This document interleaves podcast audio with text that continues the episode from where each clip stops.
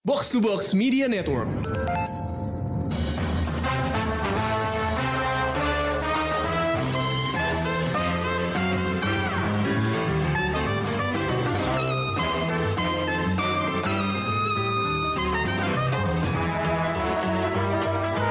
Hai pendengar Showbox, kita ketemu lagi di review sebuah CBM alias comic book movie. Pasti tahu dong film apa yang bakal kita bahas.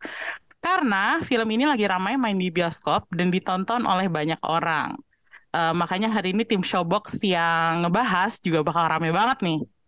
Film ini adalah Guardians of the Galaxy Volume 3 yang disutradarai oleh James Gunn. Kalau kalian masih ingat, prelude bagi Guardians of the Galaxy Volume 3 ini udah kita bahas bulan Desember lalu, yaitu di episode Guardians of the Galaxy Holiday Special. Episode special itu merupakan semacam pembukaan ya dari GOTG Volume 3 ini, di mana filmnya membawa nada yang sama seperti yang ditampilkan di film ini. Nah, kalau Holiday Special itu fokus kepada Star-Lord alias Peter Quill dengan berbagai aksi eh, Mantis dan Drax yang lumayan bikin ngakak, eh, Guardians of the Galaxy ini fokus kepada karakter gue di seantero Galaxy MCU yaitu Rocket Raccoon. Nanti gue bakal jelasin lebih jauh kenapa Rocket adalah karakter favorit gue. Tapi untuk sekarang kita bahas dulu filmnya secara general.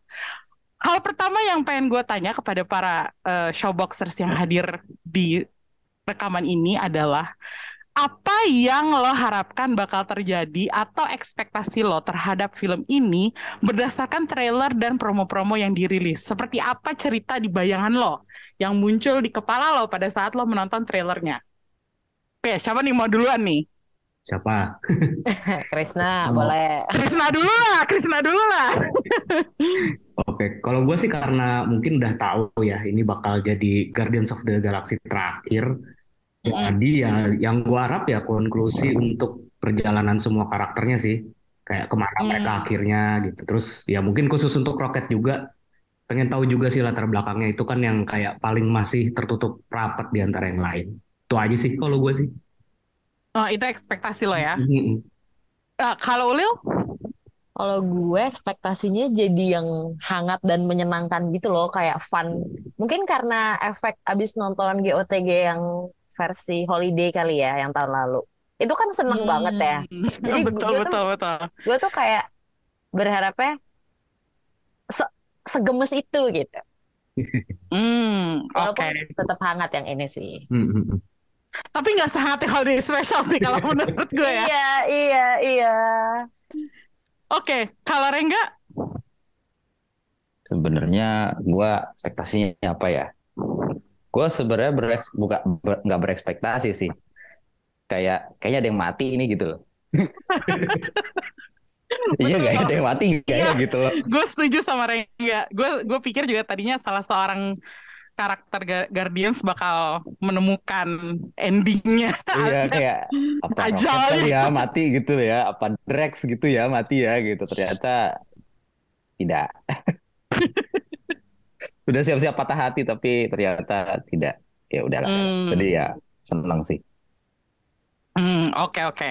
Tapi setelah nonton, apakah ceritanya sesuai dengan bayangan lo, atau itu berada di bawah atau di luar ekspektasi lo? eh ini se- tidak sesuai ekspektasi gue sih. Tidak sesuai ya justru. Justru lebih sih dari ekspektasi gue gitu. Ini kayak Oh, gitu. Hmm. Gimana ya? Kayak kayak ini feelnya kayak GOTG yang pertama sih. Oh, sebanding sama yang pertama. Sebanding sih.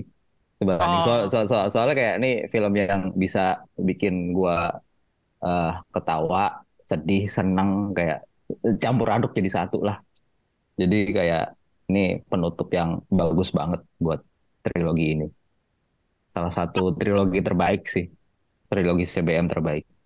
Tapi bisa nggak sih kita nyebut ini sebagai trilogi karena ceritanya sebenarnya lebih kan daripada volume 1, 2, 3. Lebih dari tiga film gitu kalau menurut gue. Tapi kan justru menurut gue bisa disebut trilogi sih karena berkesinambungan satu sama lain. walaupun ada selipan sini itu sini itu ya, tapi kan cerita mereka cuma di tiga ini doang. Iya, gue setuju Hmm. sih. Menurut gue sih juga bisa sih dibilang trilogi GOTG gitu ya, karena ya perjalanan utama mereka itu kita lihatnya kan di sini gitu. Sementara kalau yang keterlibatan mereka misalnya kayak di Avengers gitu kan, ya bukan tentang mereka itu kan ceritanya. Oh, oke. Iya. Oke, nanti kita kembali lagi ke situ. Tapi gue pengen denger dulu dari yang lain tentang apakah film ini sesuai atau enggak dengan ekspektasi mereka pada saat nonton trailernya. Siapa Oh. yang next mau Bunga tuh. menceritakan? Apa gue? Bunga tuh nggak nggak nggak nonton. Gue nggak nonton trailer, jadi eh, I have no expectations. Dan ternyata filmnya hmm, ini sih eh, apa ya? Ya nggak ada ekspektasi. Jadi bagusnya tuh ya bagus banget gitu pas terakhir kayak dia bisa bikin konklusi buat semua karakternya dengan sangat rapi dan bagus. Jadi oke banget sih kalau menurut gue, gue suka banget sih.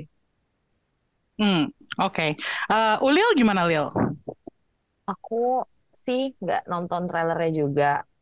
Eh tidak berekspektasi lebih, tapi aku suka sama eh, showcase-nya dia yang di salah satu mall di Jakarta gitu. Jadi bikin gue excited aja mau nonton. Oh, malah dari ya. berhasil. Offline-nya. Iya, Wah. gemes gitu. Tapi kan lo sudah nonton Holiday Special ya, Lil, Eh, dan lo mengharapkan kehangatan yang sama. Apakah film ini berhasil menyajikan kehangatan itu? Tidak terlalu sih dibanding yang Holiday Special Story. Aku selama nonton agak sedikit cranky, tapi aku Oh. menikmati gitu. Oh, cranky-nya kenapa nih? Lapar atau bosen atau? Kelamaan aja menurutku. Hmm, oke. Wow. Ya ini problem Ulil sih, kayaknya Ulil spesifik problem gitu. dari dari kemarin kalau kita ngobrolin film sama Ulil, eh, Nggak boleh panjang-panjang ya Lili. iya Iya. filmnya jangan jangan panjang-panjang Harus sebenarnya. ada intermission ya kalau buat Ulil tuh. Padahal gue sudah memilih bioskop yang gue bisa tiduran nyaman gitu loh. Tetap gue kayak nih kok lama banget ya gitu. Film kalau nggak satset-satset Ulil agak susah nih. Iya, belakangan ini lagi cranky sama film panjang. Oke, nih sekarang gue pengen nanya ya, tanpa ngasih spoiler apa pun tentang endingnya film ini. Ranking film ini di seluruh kemunculan Guardians of the Galaxy di MCU itu di posisi mana? Hmm. Cukup tinggi sih kalau buat gue. Top 3? Ah, top 3 gak ya? Eh, top 5 lah mungkin. Top 5. Oke, top 5. Krisna di top 5. Kalau Rengga, Eh, iya top 5. top 5 ya? Iya. Wah, oke. Bunga Ulil? Top 3. Hmm, Oke, tinggi juga. Tinggi banget. gue gue lagi mikir-mikir sih sebenarnya kalau dari tiga Guardians ini eh, pas selesai nonton kemarin kayak oke ini levelnya hampir di film yang pertama. Karena gue suka banget banget Guardians yang pertama. Eh, yang kedua agak turun. Terus ini kayak naik lagi gitu. Tapi setelah se- apa udah berapa hari nonton dipikir-pikir pikir-pikir kayaknya bahkan dia bisa melebihi eh, GOTG yang pertama sih buat gue. Hmm, Oke. Gue juga bisa dibilang kayak menempatkan yang ketiga ini di atas yang pertama sih. Wow, really? Iya, kayak Wow, oke. efek-efek apa ya? Efek emosinya yang gue dapet tuh jauh lebih powerful di sini sih. Hmm. Saya setuju. Kalau gitu saya menjadi satu-satunya suara yang bilang saya tidak setuju. Karena menurut gue film ini mengandung beberapa tema sulit ya, yang menjadikannya Betul, agak betul. agak kurang menyenangkan buat ditonton buat gue. Iya. Itu intinya. Eh, tapi gue ya gue sadar lah ranking film ini cukup tinggi kalau dibandingin sama film-film lainnya.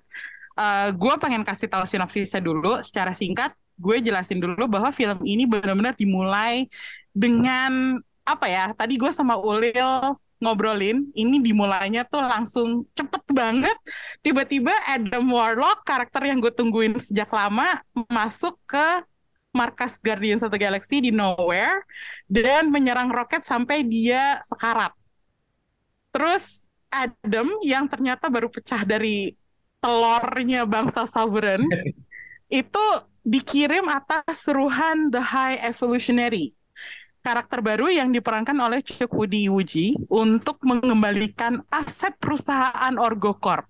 Dan ternyata aset itu adalah roket yang tadinya seekor rakun biasa yang terus dieksperimen oleh Orgocorp sampai dia jadi pinter banget. Dan kecerdasan dia itu bahkan membuat High Evolutionary sendiri penciptanya ya tanda kutip itu bingung dan gak paham gitu. Tapi karena bentuk dia masih binatang, dia dianggap tidak sempurna dan tadinya dia dan teman-temannya sesama para hewan eksperimen yang dibikin pintar itu mau dimatiin dan inilah kisah masa lalu kelam dari Rocket yang selama ini hanya direferensikan tanpa benar-benar dibeberin gitu. Nah, kalau menurut gue ini adalah hal yang apa ya? Satu bikin gue suka sama Rocket Raccoon sebagai karakter utama di film ini dan karakter yang membentuk MCU seba, uh, secara keseluruhan. Uh, tapi gue pengen tahu apakah uh, kisah masa lalu roket, evolusi roket dari dulu sampai sekarang, apakah berkesan bagi lo? Ya, gue gue juga setuju sih. Menurut gue juga, ya di Guardian of the Galaxy roket tuh selalu jadi yang paling menarik ya. Dia kayak yang yang paling nutup rapat traumanya gitu kan, kayak nggak pernah mau hmm. temen-temennya pun dia nggak pernah mau cerita detail gitu kan apa yang pernah terjadi sama dia ini yang bikin menarik gitu. Terus setelah ngelihat ini gue juga jadi ngerti sih ada alasannya kenapa justru dia kan jadi deket banget sama Nebula ya. Iya. Ya kan jadi kayak oh mereka sama-sama apa ya kayak korban eksperimen kejam gitu kan yang ternyata masa lalunya kelam banget gitu dan ya itu menurut gue apa ya perkembangan yang menarik sih dari Rocket yang dari awal lagi kita ngelihat cuman kayak apa sih kayak makhluk yang ngomel-ngomel yang temperamen gitu kan ternyata di baliknya ada sesuatu yang kelam gitu kan Hmm. Si menariknya si Rocket ini emang. Hmm. Oke, okay, gue sekarang pengen tanya dari seseorang yang mungkin udah kenal Rocket dari komiknya. Rengga, gimana pendapat lo tentang perjalanan Rocket di nggak cuma di film ini ya Reng, tapi di seluruh uh, saga Guardians gitu? Ini sangat apa ya, emosional banget sih buat Rocket ya. Hmm. Kayak dari dari di film pertama kan kayak kata Krista tadi kita cuma tahu ini kayak apa sih binatang berisik banget gitu kan. Mm. ngomel mulu gitu. Tapi sebenarnya ya emang dia kompeten gitu di bidangnya gitu kan. Terus mm. ngebanyol segala macam temannya pohon kan nggak jelas banget gitu. Bah, bahkan di di komik pun dia nggak pernah jadi karakter apa ya sentral gitu. Cuma sepanjang sejarah tuh dia cuma pernah apa ya cuma 10 kali kalau nggak salah ada di komik ya saya ada hmm. di serial gitu loh nggak pernah jadi apa ya karakter gede gitu hmm. dan dan ini sebenarnya kayak kejeniusan James Gunn tuh di situ dia bisa ngambil karakter-karakter yang nggak penting di komik terus dibikinin film jadi wah banget gitu gimana hmm. dia bisa nulis karakter ini buat jadi karakter yang bisa meng, apa ya mengobrak-abrik emosi semua orang gitu Hmm. Itu keren banget di situ gitu dan dan apa ya di di dan tapi gue pengen bilang di di GOTG 3 ini vokalnya kan sebenarnya di Rocket hmm. tapi yang lain juga dapat porsi yang menurut gue walaupun sedikit tapi yeah. ngena gitu. Iya sih, kalau yeah. itunya sih iya. Gue gue emang gue akuin bahwa meskipun ini cerita sentralnya di Rocket, tapi uh, karakter lain juga berperan ya. Di sini gue suka banget sama Nebula itu karena tadi yang Krisna bilang uh, ada paralel antara Nebula sama Rocket yang kalau menurut gue sweet banget gitu. Hmm. Dan apa ya uh, interaksinya grup ini memang selalu menarik untuk dilihat. Kayak nggak cuman antara Rocket sama siapa siapa gitu, tapi juga misalnya kayak Nebula sama Drax gitu. Itu kan interaksi yang jarang kita lihat biasanya gitu. Tapi iya Nebula sama Drax waktu mereka berantem di apa ya pesawatnya si High Evolutionary itu itu lumayan kena banget gitu. Apa yang ti- percakapan tiga arah antara Nebula, Drax sama Mantis. Mantis gitu. Itu itu wah itu kena banget di gue. Gue kayak wow. Dan emang James Gunn memang selalu jago ya untuk ngangkat apa ya karakter-karakter yang minor gitu, terus ditampilkan secara ya major gitu. Mungkin itu justru ini kali ya. Dia ngambil karakter yang belum terlalu penting gitu di komik, belum terlalu tergali, jadinya ada keleluasaan gitu kali ya buat buat dia bikin Betul, ceritanya betul. fleksibel gitu kan. Iya, emang dia suka ngobrak-abrik karakter kayak gitu. Waktu di Hmm. Suicide Squad juga dia ngambil karakter yang sebenarnya kayak ini siapa gitu King Shark siapa yang tahu King Shark gitu kan. Betul, Terus betul. eh, siapa lagi tuh gue lupa namanya. Pokoknya kayak dia suka mengambil karakter-karakter yang sebenarnya nggak penting dibikin penting gitu karena dia bisa apa ya? Ya diobrak-abrik sih sebenarnya semau dia gitu. Gue sebagai bukan pembaca komik Marvel aja gue nggak tahu Guardians of the Galaxy sebelum ada filmnya. Banyak yang nggak tahu sebenarnya. Itu nggak gitu. mengherankan sih Chris. Gue baru tertarik sama komiknya setelah gue denger filmnya mau dibikin kayak gue penasaran ini siapa sih gitu.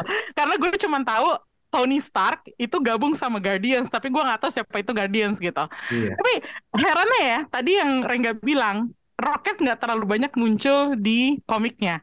Tapi kalau gue ngebandingin dia sama sosok yang gue kenal dari komik, karena waktu itu yang gue baca itu lumayan menampilkan si Rocket, itu sosok dia yang di komik itu lumayan mirip loh sama yang ada di film atau mungkin itu pengaruh dari James Gunn juga ya dia berhasil membentuk karakter sehingga apa ya karakter yang tadinya nggak dikenal di komik sekarang dikasih identitas terus jadi identitas itu kayak menggantikan identitas komiknya gitu jadi gue lumayan jadi sih. gue lumayan impress gitu dengan evolusi Rocket di filmnya dan gue juga harus mengakui bahwa perannya Bradley Cooper itu keren banget dalam Iya. memainkan karakter ini gitu Hmm. Karena Jadi hawanya gitu ya. iya dan masalahnya waktu pertama kali dia main Rocket gue eh semua orang pun kaget gitu ya. Karena kok suaranya nggak mirip sama suara Bradley Cooper gitu. Hmm. tapi setelah sekian banyak film gue merasa nggak ada aktor lain yang bisa mainin Rocket secocok dia gitu. Jadi suara sama karakter dan visualnya Rocket sekarang tuh udah pas banget dan nggak keluar jalur sama sekali gitu. Dan itu tuh kayak film ini tuh membuktikan setelah sekian film itu udah dibuktikan bahwa ngisi suara itu bukan sekedar apa ya bukan cuma kayak dateng terus ngomong gitu kayak ini ada apa ya aktingnya tuh juga harus dipakai gitu Makanya Dan- mereka namanya voice actor gitu kan. iya itu dia Bukan makanya gue pengisi suara. makanya gue suka banget sama Rocket dan Groot itu adalah dua karakter favorit gue di Guardians gitu Hmm. makanya ya apa ya lu impresif aja sih James Gunn ini Um, Oke, gue dari tadi gue ngomong terus-terusan gue belum nanya pendapatnya Ulil sama Bunga tentang perjalanan Rocket di sini. Mungkin kita dengar dari Ulil dulu kali ya, yang tadinya Ulil nggak mau ikut diskusi ini karena merasa tidak expert, tapi justru kalau menurut gue, gue pengen tanya pendapat penonton awam seperti Ulil tentang karakter Rocket yang binatang yang bisa ngomong gitu. Itu gimana, Lil? Hmm, setelah dikasih tahu dan diliatin masa lalunya, gue masuk ke dalam eh apa ya kehidupannya Rocket sih. Kayak buat aku ceritanya sangat clear dan kenapa dia bisa serewel tapi dia sayang. Dia kan kayak paling rewel gitu kan ya, tapi dia sayang. Oh ternyata memang eh, rewel dan sayangnya itu beranjak dari eh, sahabat-sahabatnya yang lama dan gimana dia kebentuknya kayak gitu sih. Hmm, iya, full iya. story-nya sih aku suka ya. Maksudnya eh, ya jelas lah gitu. Menutup menutup eh, GOTG yang ketiga ini oh ya udah satu persatu sudah diperjelas gitu masa lalunya Iya. dan karakternya. Betul. Akhirnya kita tiba juga ke porsinya Rocket ya. Mm-mm. Um, Biasanya yang paling berisik tuh yang paling tersakiti tahu. Nah, terbukti kan?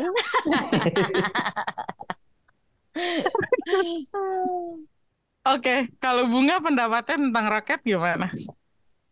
Eh, kurang lebih sama sih. Gue waktu awal-awal tuh yang depan-depan justru waktu yang di pertama, kedua gitu ya. Agak sebel sebenarnya kayak roket kayak rese gitu kan.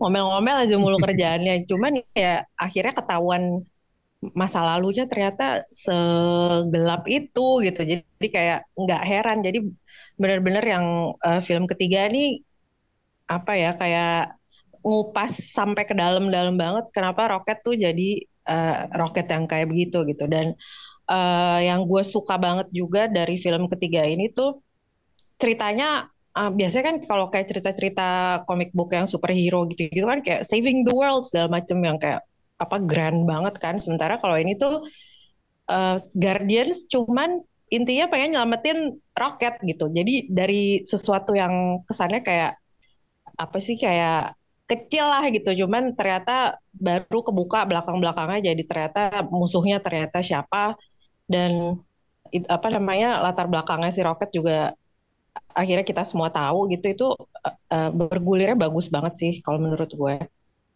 itu uh, cakupan cakupan ceritanya Guardians of the Galaxy memang sebenarnya bisa dibilang tanda kutip cetek ya. Mereka tuh nggak pernah iya, iya, iya. ambisi yang besar banget untuk jadi apa ya, untuk nyelamatin semua orang. Tapi mereka sebenarnya melakukan itu for selfish reasons almost iya. gitu. Jadi ceritanya tuh kayak selalu hampir selalu personal gitu kan sebenarnya. Iya, uh, Guardians itu bukan Avengers ya. Jadi inilah hmm. distinction yang terbesar dari Guardians kalau dibandingin sama Avengers. Kalau Avengers kan tugasnya mulia banget gitu kesannya harus nyelamatin seluruh umat manusia gitu intinya atau seluruh makhluk hidup di universe mereka tapi kalau Guardians ya paling cuma satu dua orang aja yang mereka pengen selamatin sebenarnya gitu karena tujuan mereka emang mencari rumah Iya. Mencari keluarga. Iya lagi orang, orang-orang terbuang ya. Iya. Orang-orang yang terkucilkan. Tapi gue nih alasan kenapa tadi gue bilang gue kurang bisa menikmati film ini itu adalah temanya tuh rada berat ya, terutama karena gue pencinta binatang. Jadi melihat eksperimen terhadap binatang yang kentara banget di film ini tuh lumayan mengganggu gitu. Gue berpikir disturbing banget. Iya, apakah ini sebuah social kritik atau social commentary tentang uji coba terhadap hewan yang gak etis gitu. Dan apalagi, tadi gue juga udah ngobrol nih sama Ulil, ada adegan di mana mereka semua hewan itu berbondong-bondong pindah dari pesawatnya High Evolutionary ke markas besarnya Guardians of the Galaxy dan itu mengingatkan gue pada kisahnya Nabi Nuh. Iya betul. Iya jauh banget ya. Itu itu lumayan berat loh. Maksudnya kalau lo dipikir-pikir mungkin pada saat lo nonton itu menyenangkan ya, entertaining. Tapi bagi gue itu agak berat dan gue jujur aja gue lepas kacamata sih waktu bagian eksperimen hewannya itu yang ditabung-tabung meskipun cuma kelihatan tabung sama asap gue nggak bisa iya. apalagi mereka bikin suara-suara yang kayak aduh kasihan iya. banget gitu nih gue nggak ngerti apakah cuma gue doang yang merasa kayak gini atau lo bisa melupakan semua itu dan menemukan kenikmatan di adegan-adegan itu. Oh, enggak. gue juga sama. Gue pas ngeliat trailernya terus gue ngeliat ada oh nggak klip waktu itu sempat pernah keluar klip yang ada si Lila, Tiff sama Flor kan sempat ada. Mm -hmm. Gue pas ngeliat klip itu kayak waduh ini kayaknya bakal jadi film yang paling susah gue tonton dari MCU nih ada adegan itu dan dan benar pas dari sejak mereka muncul aja tuh gue udah kayak mau nangis gitu ngeliatnya kesian karena kondisinya udah ini kan kondisi mereka tempat tinggalnya udah nggak layak kondisi badannya juga udah diacak-acak gitu kan itu hmm. sih itu bagian terberat dari nonton ini sih gitu dan ya ya ya itulah setuju sih emang berat banget ngeliat ini ya mungkin bener juga sih mungkin ini kayak ada kritik gitu sama uji coba hewan segala macem atau apa tapi intinya sih memang berat sih untuk dilihat bagian itunya hmm. oke okay. Rengga gimana Reng? itu kan uh, gue nggak banyak nonton klipnya sebenarnya ya. Makanya ketika gue nonton gitu, gue gue gue pernah tahu karakter si Laila gitu. Emang dia kalau di komik itu emang pacar rakun gitu ya. Tapi hmm. di komik bentuknya normal gitu kan. Hmm. Pas gue lihat ya orang human gitu. Enggak, tetap oh, kayak, tetap okay. bentuknya otter gitu, tetap bentuknya Lebih humanoid gitu ya. Iya, tapi humanoid gitu. Pas di film lah kok tangannya begitu ya gitu kayak Hmm. tangannya kayak tangan robot gitu kan kayak itu kok bentuknya begini terus lihat bentuk bentuk eh kepada si siapa si Tit sama Floor kayak aja bentuknya disturbing juga ya gitu kayak nggak enak banget lihat ya gitu apalagi pas mereka ngobrol berempat gitu itu ini banget sih sedih banget emosional sekali pas Banget sih, bang. Banget. Jujur aja banget sih bagian itu. Tapi emang emang eh, bahkan di di di Amerika sendiri itu kayak eh, banyak mendapat sorotan ya. Jadi kayak graphic content gitu yang bagian itu. Ada trigger warningnya gitu kan. Iya ada trigger warningnya gitu gitu dan ya gitu lah. Banyak banyak diomongin orang juga gitu pas bagian itu. Bagian animal Hmm. cruelty itu. Oke, di sini yang bukan animal lover seberat gue, Krisna Merengga, siapa ya? Apakah Ulil sama Bunga punya emosi yang sama pada saat melihat adegan itu gitu? Itu bentuknya pada disturbing banget sih, jujur pas pertama kali nongol kayak, aduh kok serem gitu. Cuman anehnya bisa, apa ya, bisa dibikin in a way kayak gemes gitu gak sih? Mungkin Nggak. justru, Enggak. Enggak. Gue sedih. enggak maksudnya ma- bukan bukan bukan tampilannya yang gemes ya, cuman kayak bisa banget dibikin kayak interaksi mereka tuh jadi terlihat eh, kitanya nontonnya tuh gemes banget friendship kayak gitu loh. Jadi kayak padahal maksudnya yang di, dipertontonkan tuh apa ya serem gitu loh. Cuman tetap aja makanya ya itu kayaknya salah satu magicnya James Gunn sih kalau menurut gue bisa bikin apa si karakter-karakternya tuh sedih ngelihatnya tapi kayak di antara mereka juga persahabatannya tuh kayak apa sih tulus banget gitu bikin makin Pasti lo nggak nangis sih. deh. Pasti lo nggak nangis deh. Eh kalau nuduh aja. Nuduh gue. Karena lo jarang nangis kalau nonton film. Iya, Terakhir-terakhirnya ada sih yang udah hampir menitikan air mata, cuman nanti spoiler. Pokoknya adalah belakang-belakangan Me- menjelang menjelang klimaks lah kurang lebih. Soalnya sedih banget emang perjalanannya kan. Hmm. Terus yang tentang gimana kayak mereka pengen lihat langit segala macem gitu-gitu yang kayak eh kepikiran aja. Kalau gue jujur aja baru nangis setelah si Rakun ketemu sama baby-baby Rakun yang lain. Yang terus dia gendong satu-satu, ada yang jatuh, terus udah gitu dia angkat. Aduh, Itu, iya. aduh itu, itu berat banget. itu. Itu berat banget ditonton, serius. Gue kayak, kok bisa sih bikin adegan kayak gini gitu. Itu tuh, apa ya, bukan hanya mengharukan, tapi kayak menu.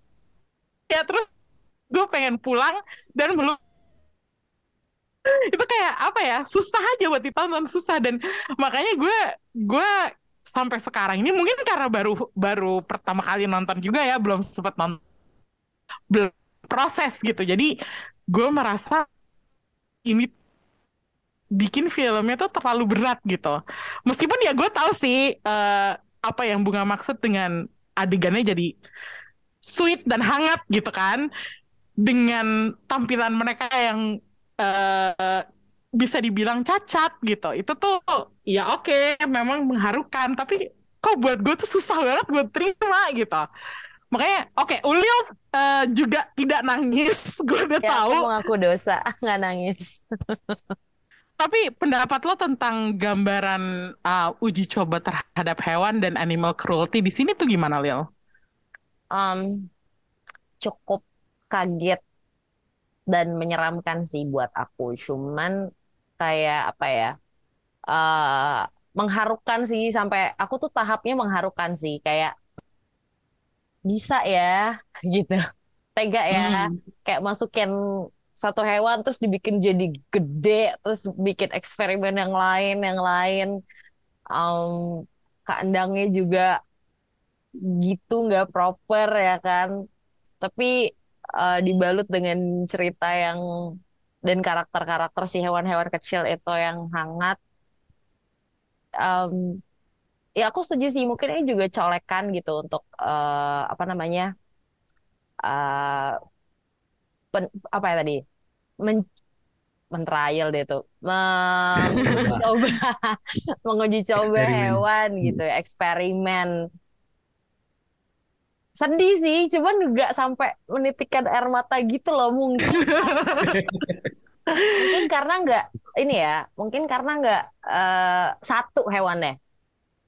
Hmm, Kayak ya, misalnya nonton hewannya semua gitu. Iya hewannya semua, jadi aku bingung harus membagi perasaanku bagaimana.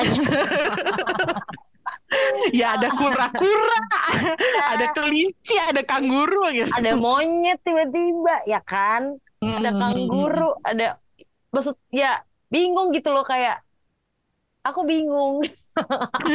Aku bingung harus membaginya gimana kalau misalnya kayak nonton Hachiko kayak kita tahu kita fokusnya ke si Hachiko-nya aja gitu kan. Kalau ini tuh hewannya banyak jadi kayak aku ap- ngemeng gitu, matanya ngemeng. Oh iya iya iya. Iya, iya.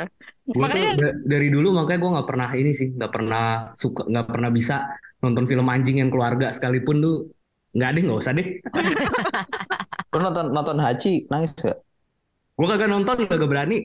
Hachi anak sebatang kara. Lebah, lebah, lebah. Lebah, gue kira Hachiko. oke. Gila itu kan sedih, buset. Dia mah sedih banget judul lagunya aja gitu. Hachi anak sebatang Iya, kara. kejam gitu. Gue terharunya karena itu sih sama kayak bunga. Eh, build cerita dari mereka sih. Build cerita dari yang pengen lihat langit, pengen ini, pengen itu. Itu tuh gue kayak nyes gitu. Kalau gitu gue pengen tahu deh si bunga sempat mene- sempat menitikan air mata tuh di bagian mana gitu. Karena dia kalau nonton film nggak pernah emosional. Jadi gue gue merasa dia nggak ada nangis-nangisnya di sini gitu. Nggak sampai nangis banget sih, bener enggak. Cuman eh, kayak udah kayak nyaris gitu. Itu pas bagian, tapi spoiler nggak apa-apa. Kayaknya kalau orang dengerin Showbox itu sudah sudah tahu untuk mengharapkan spoiler ya. Maksudnya eh, Iya, kalau iya, iya. pengen spoiler Nah, ya nggak usah dengerin gitu. Sebut saja klimaksnya Lila Tiff sama Flor kali ya, Bung. I- iya itu sama sama pas yang ini adegan bertemu kembali tapi ya Oh gitu. ya. Adegan Iya. bertemu kembali Udah yang mana ngomong ya? aja sih yang mana gitu loh. yang yang tadi ya kirain dia udah udah mau mati terus udah ketemu kayak di afterlife atau apa itu terus udah Oh. kayak dream dream sequence bukan dream sequence lah ya ya sementara Drakon yang masih itu ya, masih koma. Terus dia tiba Iya. kayak ngayal itu. Oh sementara sementara on the other on the other side si Peternya tuh udah setengah mati apa kayak eh, berusaha ngidupin dia lagi gitu maksudnya kayak sama-sama sedih kayak di kayak dia bisa ketemu lagi sama si Laila dan teman-temannya tapi eh, teman-temannya di dunia yang masih ada tuh justru kayak mau kehilangan gitu kan jadi kayak sungguh dicari-cari si Rocket sih. Cuma Kalau menurut gue, gue nggak pernah lebih simpati dari eh, kepada Peter Quill dibanding di adegan yang tadi lo sebut itu. Jadi itu pertama kalinya gue merasa wah Peter Quill nih is a stand up guy karena selama ini gue merasa dia nye- nyebelin banget kan. Iya. Maksudnya Peter setuju. Quill itu nggak heroik sama sekali kan.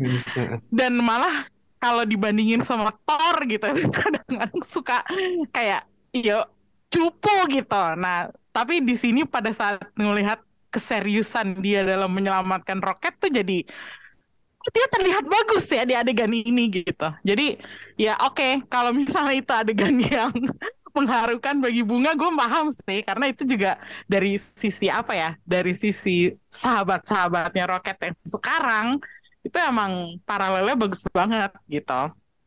Kayak lo nggak pernah kan lihat Peter Quill sampai sebegitu emosionalnya banget Betul, gitu kan? iya. Maksudnya dibandingin sama apa ya? Dia kan kangen sama Gamora. Tapi Heeh. itu kayak nggak ada apa-apanya dibandingin adegan ini gitu.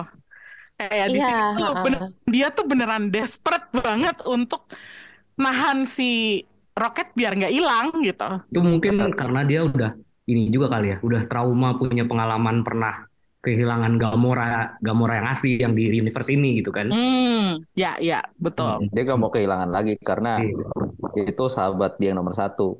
Nomor duanya Drax. Yang dijadiin candaan selama film. Berebut, Itu running jokesnya lucu banget dari, dari berebut Oke, ini kita udah ngomongin uh, Rocket sebagai karakter sentral ya di volume Hmm. ini. Tapi gue pengen tahu tentang karakter-karakter barunya. Kayak apa pendapat lo tentang misalnya High Evolutionary atau Adam Warlock atau temen-temennya Rocket. Siapa yang paling berkesan buat lo dan kenapa? Kalau gua sih pertama teman-temannya Rocket ya, karena menurut gua jelas si trio ini tuh bisa ngasih kedalaman emosi ke filmnya, terus sama ke karakternya Rocket juga. Itu paling Hmm. penting. Hmm. Terus kalau High Evolutionary sih menurut gua pure evil aja ya, kayak apa villain yang satu dimensi gitu sebenarnya. Tapi ya pas lah sama filmnya dan dengan ceritanya yang emang fokus cuman untuk nyelamatin Rocket ya kita nggak perlu villain yang terlalu kompleks juga lah di sini gitu kan. Hmm. Kalau Adam Warlock, gue nggak tahu sih Adam Warlock tuh aslinya karakternya kayak gimana kalau di komik. Tapi kan kalau di sini dia agak apa ya, kayak anak kecil, masih kayak anak kecil kan karena dia Iya. Iya. dinetesinnya tuh terlalu cepat gitu kan, kayak Uh-uh. prematur gitu.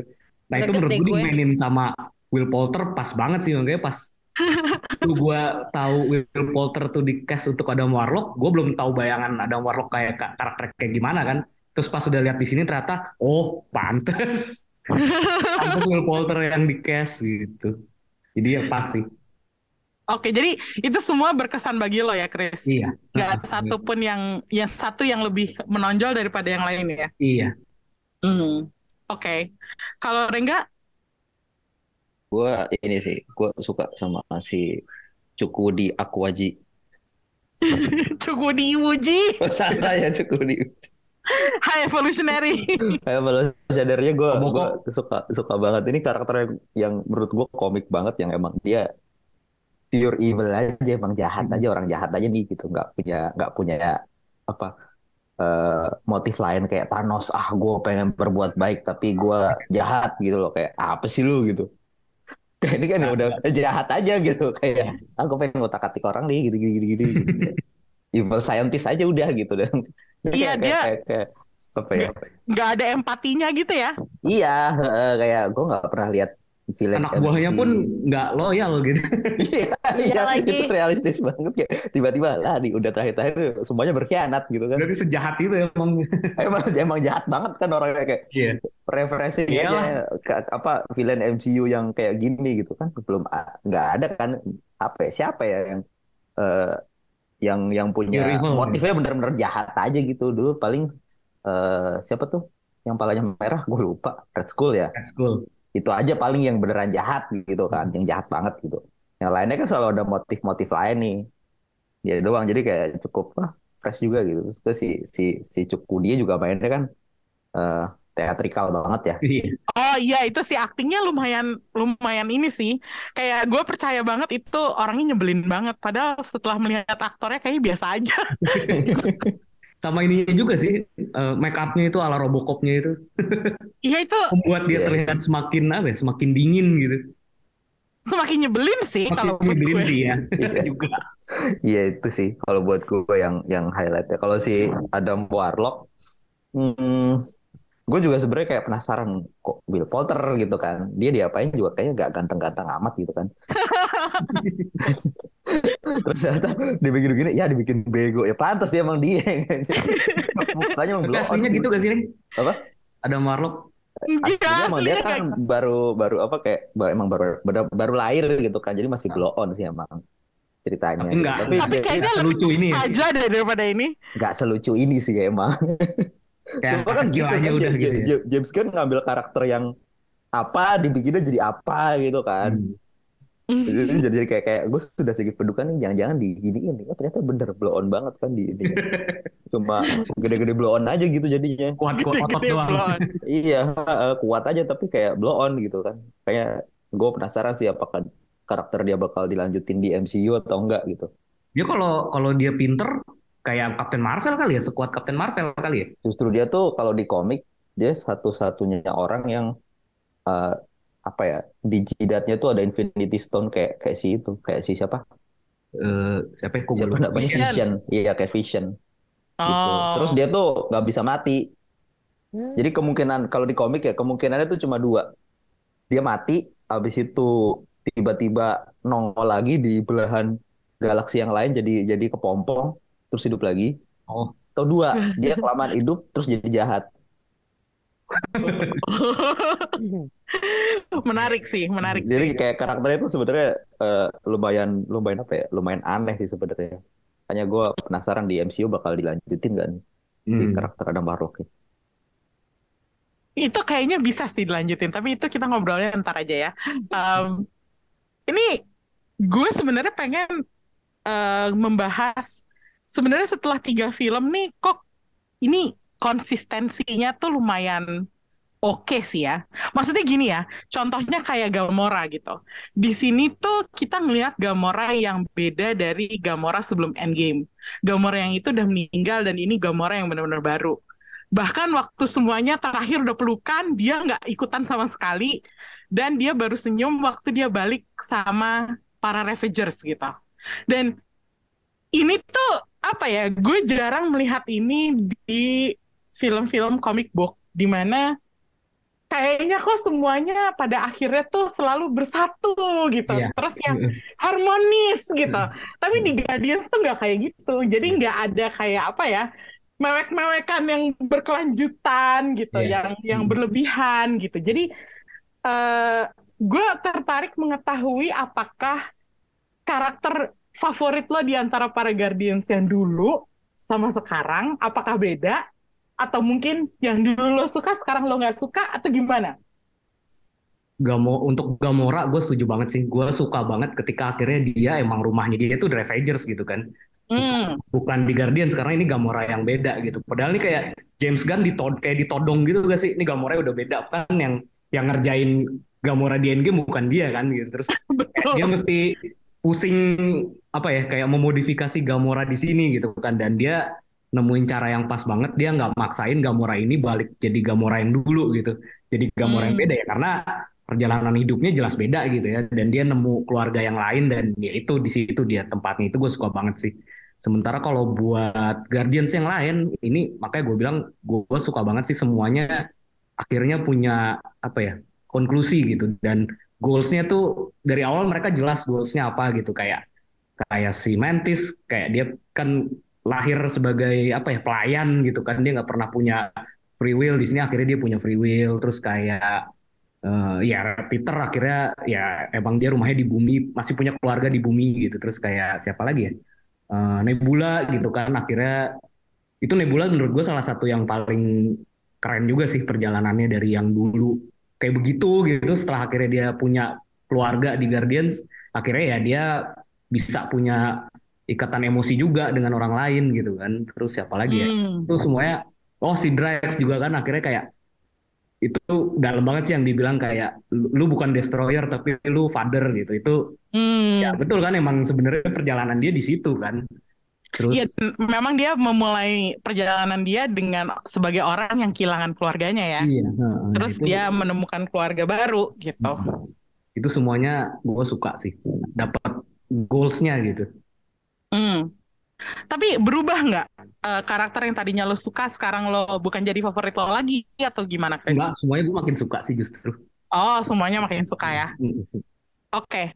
Coba kita dengar eh, Bunga sama Ulil yang dari tadi belum ngomong nih eh, tentang karakter-karakter Guardians. Eh, gimana pendapat kalian tentang perjalanan karakter ini secara keseluruhan? Gimana Lil? Eh, bunga dulu, bunga dulu, bunga dulu. Eh, kalau disuruh pilih favorit dari yang dulu apa ya? Semuanya suka sih. Cuman mungkin kalau yang satu sama dua tuh gue cukup ter eh, tariknya tuh ke Gamora gitu kan. Apalagi ternyata pas ada tahu backgroundnya dia segala macem. Dan kayak yang tadi dibahas, gue juga suka banget treatmentnya Gam- Gamora di sini. Walaupun kayak sedih gitu ya si Peter kayak Gamoranya ada lagi, cuman kok nggak bisa balik kayak dulu. Tapi tapi justru endingnya tuh bagus gitu. Nggak nggak maksa gitu kan. Karena emang udah bukan Gamoranya udah bukan Gamoranya si Peter kan. Jadi ya udahlah gitu. Nggak usah dipaksain. Cuman di film yang ketiga ini gue jadi eh, suka banget sama Mantis. Karena jadi lebih apa ya di sini dia porsinya tuh kayak lebih besar aja dan Hmm. kayak apa ya dia semacam bisa dibilang kayak semacam heartnya lah gitu kan Hmm, ya betul. Mm-mm. Lo Itu sih nonton paling. Guardians of the Galaxy Holiday Special nggak? Belum, gue belum nonton ya Belum nonton ya? Nggak, maksudnya eh, seperti yang tadi gue bilang, karena kan di awal tadi gue bilang GOTG Holiday Special itu punya nada yang sama film ini. Dan Mhm. lo menyebut Mantis, cerita Mantis sebenarnya udah dimulai dari situ, dari Holiday Special. Jadi gue seneng banget dia dapat konklusi yang pas di sini dan nggak nggak aneh juga bahwa terus dia memilih kebebasan daripada dia harus ngikut bareng-bareng terus sama orang-orang ini gitu karena sepertinya dia juga mendambat mendambakan apa ya independence gitu dari kehidupan dia yang lama. Jadi itu dia yang lo bilang tadi Mantis adalah surprisingly the heart of the movie gitu. Jadi wow ini emang uh, satu lagi karakter yang tadi kita belum sebut ya. Mantis itu dapat konklusi yang oke banget kalau menurut gue. Endingnya dia lucu banget sih, iya. Yang bawa si apa sih? Abang si makhluk monster-monster itu, Heeh, makanya. Oh. Heeh. Kalau Lil gimana Lil Kalau aku suka banget sama Mantis. Parah dari dulu. Aku ngefans Oh. berat. Aku FBM. Fans berat Mantis. berat Mantis dan nih juga. Ulil juga nonton kan uh, Guardians of the Galaxy spe- uh, Holiday Special Mm-mm, mm-mm. Dia kan di situ dia mulai banyak beride gitu ya, walaupun eh, idenya suka ajaib gitu ya. Sok, sok jadi manusia bumi. Terus di sini gue suka sih, ya itu tadi perannya lebih banyak. Terus um, dia selalu jadi apa ya, tanda petik eh, buka jalan buat teman-teman yang lain melaksanakan misi berdua sama Drax gitu. Iya. Gemes, nontonnya gemes. Tapi aku nggak suka sama Gamora, maafin aku guys. Dia dingin banget. Walaupun emang karakternya beda, cuman kayak kenapa dingin banget gitu. tapi lo suka Ya susah? Lil. hidupnya susah. iya bang, gue tahu. jahat. tapi lo dulu suka sama Gamora nggak Lil Enggak sih, enggak terlalu sih. Nah. Cuman, cuman itu beda ya Iya, cuman kayak gemes aja kalau eh, lihat dia sama Peter gitu. Kayak walaupun walaupun dia emang terlihat keras tapi sama Peter dia gemes gitu kan. Ba- by the way by the way ini gue pengen nanya tentang eh, semacam isyarat apakah Peter sudah berganti ke lain hati, udah pindah ke lain hati, ke Nebula. Ini gimana pendapat lo guys tentang hal Aduh. ini? Iya lagi gue Kalau kalau gue jadi. Peter sih, iya kayaknya sih. Oh, Oke, Nebula aja ya. Iya. Kalau nebulanya mau. Gue gue rasa enggak. Kalau kayak mau lucu lagi. Canda, candaan aja itu mah. Dan gue rasa Nebulanya juga nggak mau sih sama Peter. Mm-mm. Payah gitu cowoknya. Masalahnya nebulanya kayaknya yang dia kan keras gitu kan, yang apa ya? Ya keren lah Nebula tuh salah satu favorit gue sih di MCU. Hmm, oke. Kalau Rengga gimana Reng? Tadi lo belum menyumbang suara tentang karakter perjalanan karakter favorit lo. Sebenarnya eh, di, di di di awal ya eh, karakter favorit gue tuh Rocket Hmm. karena dia kan apa ya sok tahu aja gitu loh karakternya. Ngeselin sok tahu tapi emang beneran jago gitu. Terus berisik banget kan gitu. Tapi semakin ke sini makin ke sini gue jadi kayak anggota Guardian nih semuanya favorit gue sih. Soalnya tiap tiap tiap karakter tuh arc-nya bagus-bagus gitu menurut gue gitu. Emang ada satu yang paling ada beberapa yang hidupnya lebih sedih dari yang lain ya gitu. Hmm. tapi menurut gue konklusi mereka tuh dibikinnya tuh bagus banget gitu. Masing-masing gitu. Rata ya jadinya. rata menurut gue rata gitu. Si Peter eh hidupnya kan ya sedih banget gitu dari awal. Sebenarnya kan eh, Guardian ini kan sebenarnya ceritanya Peter ya dari awal ya. Hmm. gimana dia apa sih dulu yang pertama ceritanya? Gue lupa anjir. Culik itu, di- tapi terus dia dirawat sama Yondu kan. oh iya ah gimana Yondu terus Yondunya kata- kan masih kayak oh iya benar. jahat lah gitu. Iya, diculik dari bumi, nggak punya keluarga, terus dirawat sama Yondu, ternyata Yondunya penjahat, terus ketemu bapaknya, bapaknya planet gitu kan. Terus jahat juga gitu. Ternyata Yondu nggak jahat. ternyata Yondu nggak jahat eh mati gitu kan.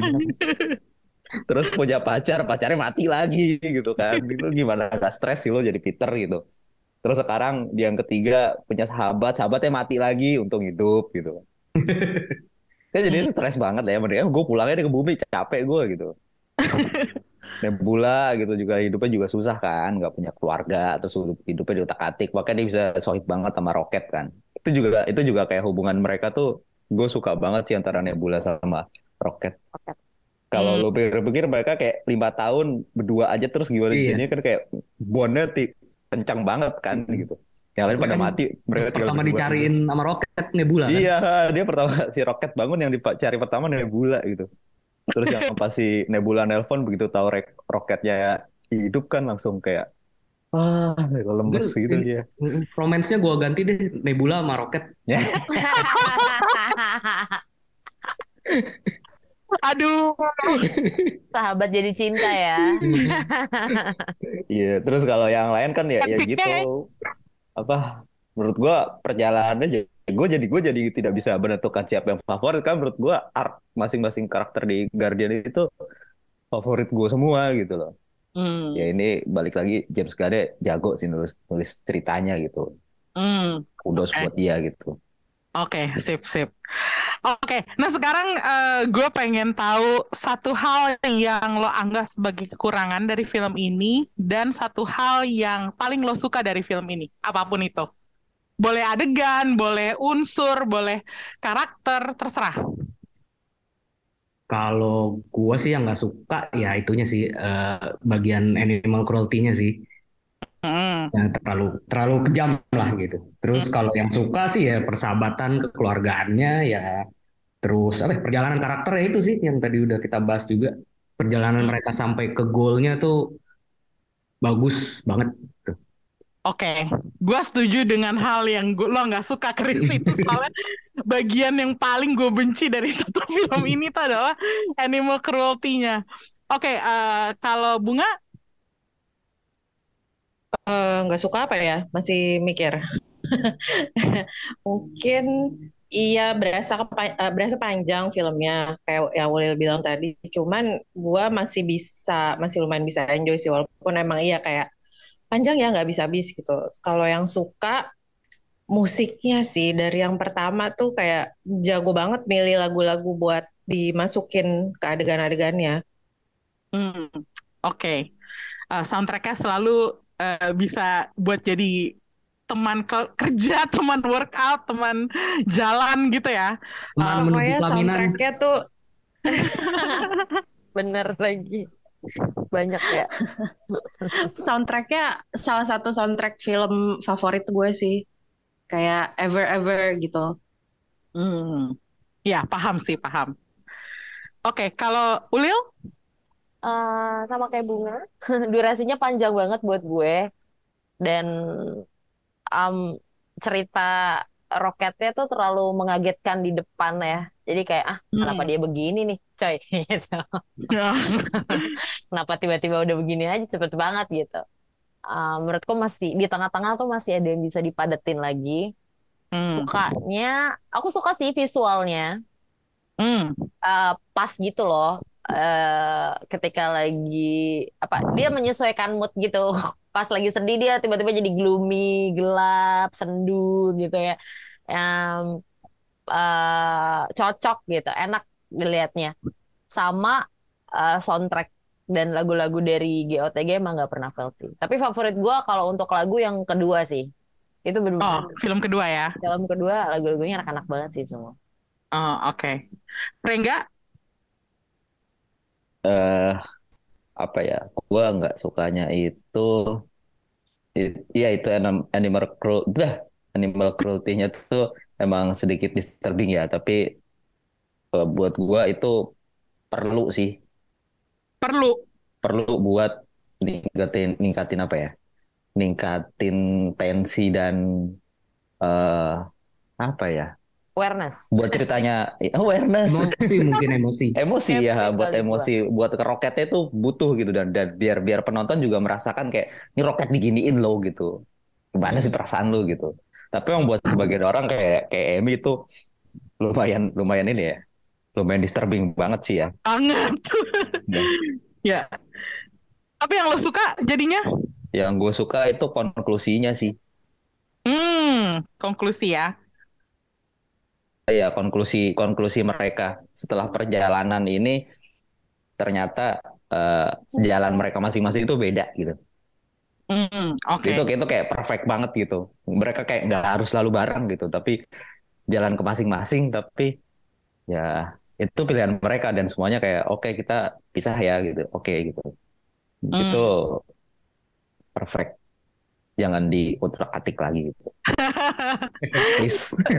Sekarang, sekarang gue pengen nanya nih, dari seluruh penampakan Guardians of the Galaxy di MCU, ada nggak satu momen yang jadi favorit lo sejak pertama kali mereka muncul di layar? Satu adegan kah atau sequence favorit yang melibatkan anggota Guardians atau bareng-bareng sama Avengers atau gimana? Ada nggak? Gua, kalau gua ada dua kali ya yang bener-bener gue suka banget. Pertama pemakaman Yondu, karena gue suka banget Yondu. Oh, oke. Itu pemakamannya dramatis banget kan, keren Hmm. banget. Sama endingnya eh, yang ketiga ini pas si eh, si Groot ngomong akhirnya dia ngomong apa ya gue lupa, cuman nggak I am Groot lagi. I love you guys. I Ya, love I you love you guys. guys. Itu gue suka banget sih kayak. Dan itu kan ternyata karena treatmentnya karena kita udah ngerti Groot gitu kan, bukan Groot yang ngomongnya beda gitu. Kita yang udah ngerti gitu. Itu dalam banget sih pas gue akhirnya ngeh. Oh maksudnya tuh ke situ anjing nggak jadi makin suka gue sama endingnya. Hmm, oke. Gue juga ada sih momen favorit gue tentang Yondu yang gue nggak bisa lupain sampai sekarang. Waktu dia muncul pakai payung apa gaya Mary Poppins Mary Poppins ya. Oh iya iya gemes. di film kedua itu kayak wow ini banget. Sama favorit gue satu lagi adalah waktu Rocket dan Groot muncul bareng Thor di tengah-tengah eh, battle di Wakanda. Oh Yang- Infinity War ya. Infinity War. Ter- terus mereka tiba-tiba kayak semua orang lagi fighting tiba-tiba satu satu Norse God sama pohon sama rakun itu muncul dan terus nembak-nembakin orang tuh kayak wow itu sih epic banget buat gue. Kebayang sih manusia apa orang-orang Wakanda gitu yang nggak tahu terus ngelihat ini nih. iya itu dia kan makanya. Oke eh, kalau bunga? Hmm, gue suka banget adegan awal-awal di film pertama. Jadi waktu si Peter Quill baru nongol, terus dia waktu itu ngapain sih mau ngambil apa ya? Pokoknya terus dia pasang Walkman-nya, Hah? habis itu musiknya masuk, terus dia joget, terus title card nongol tulisannya Guardians of the Galaxy. Itu kayak mungkin salah satu title card film favorit gue sih. Pas nonton tuh langsung, wah keren gitu. Jadi kayak gue langsung ke nama filmnya itu dari situ. Sama ini sih si hallway scene di film ketiga keren sih yang mereka berantem rame-rame itu ah yang lawan ini ya lawan orang-orang Orgocorp ya iya iya akhirnya ada punya hallway scene sendiri gitu kayak kan kan action film-film susah. action kan Terlalu Iya, susah film-film. dieksekusi. eh, eh. apalagi ini kan bentuknya aneh-aneh semua Iya. gitu kan ternyata bisa juga keren kayak gitu Hmm. Oke. Ulil ada nggak adegan favorit dari seluruh penampakan Guardians of the Galaxy selama ini? Hmm. Penam ini sih eh, pas momennya Groot sih. Kayak- Grup yang mana?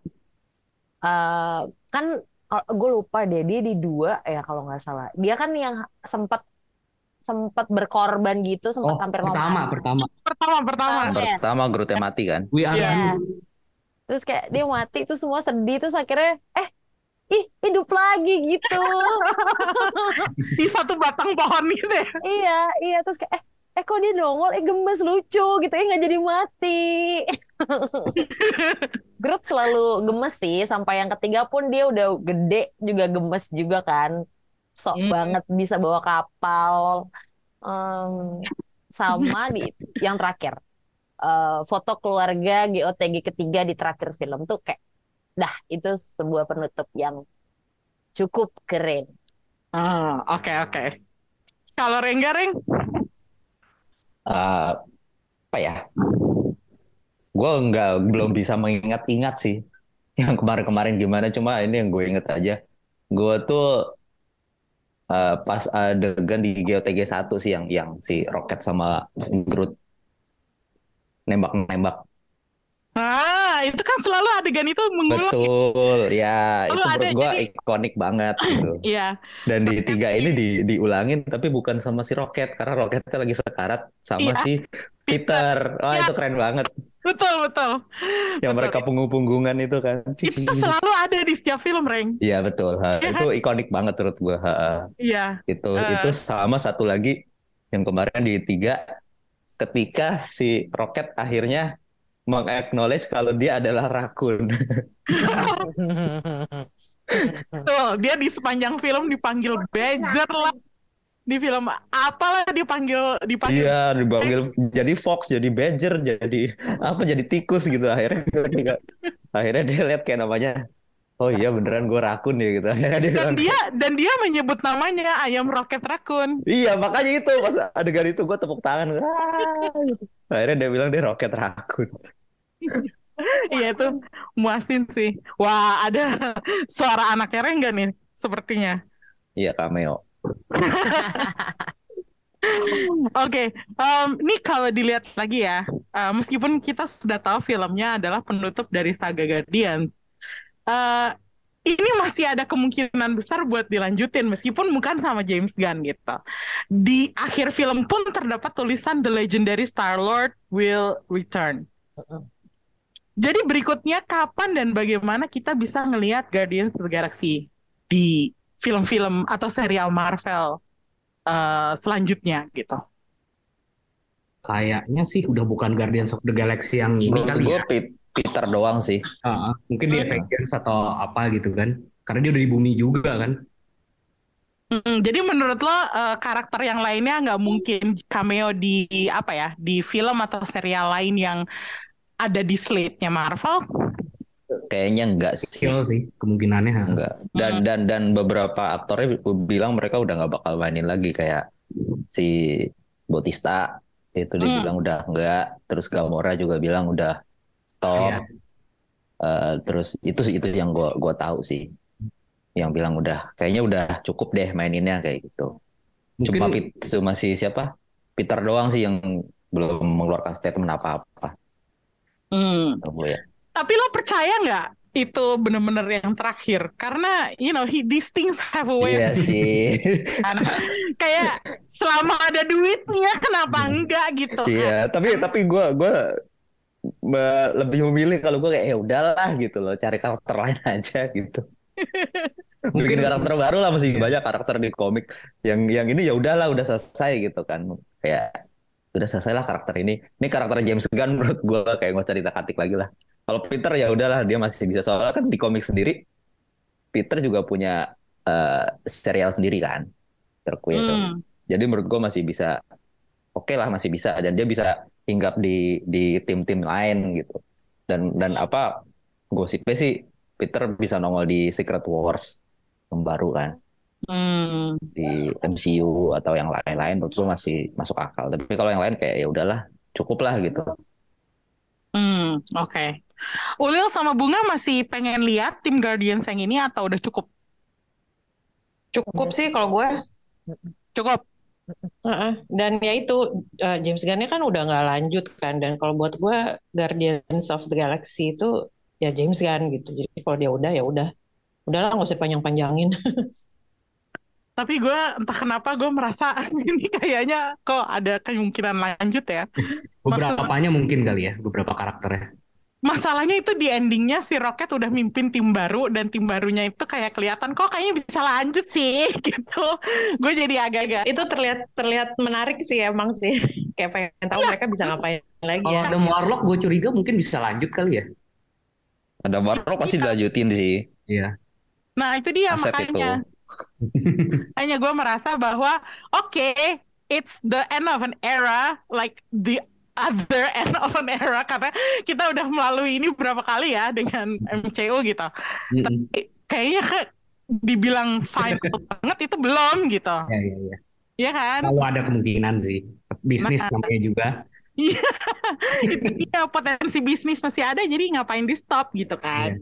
Mm-mm. Jadi ya, oke, sepertinya kita sudah selesai membahas Guardians of the Galaxy Volume 3. Eh gua pengen kalian memberi rating 1 sampai 5 buat film ini.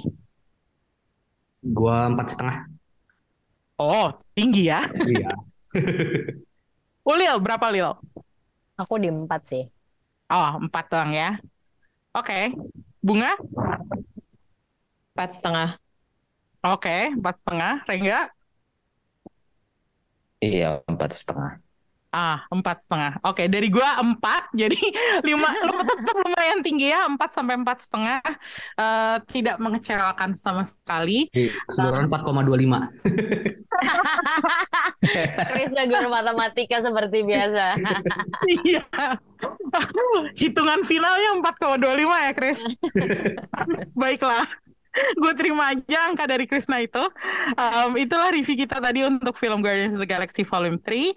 Ingat, meskipun ini karya terakhir James Gunn buat Marvel Cinematic Universe, mungkin ini bukan terakhir kalinya kita melihat Guardians of the Galaxy di layar. Siapa tahu nanti mungkin mereka bakal muncul lagi dalam inkarnasi lain, team up-nya lain, karakternya lain lagi, bisa jadi. Jadi jangan sedih. Um, walaupun lo sedih dan kangen sama tim Guardians of the Galaxy yang sekarang ini, nikmatin aja filmnya mesti di bioskop dan nikmatin film-film sebelumnya di OTT. Kita bakal ketemu lagi di review berikutnya. See you and bye-bye.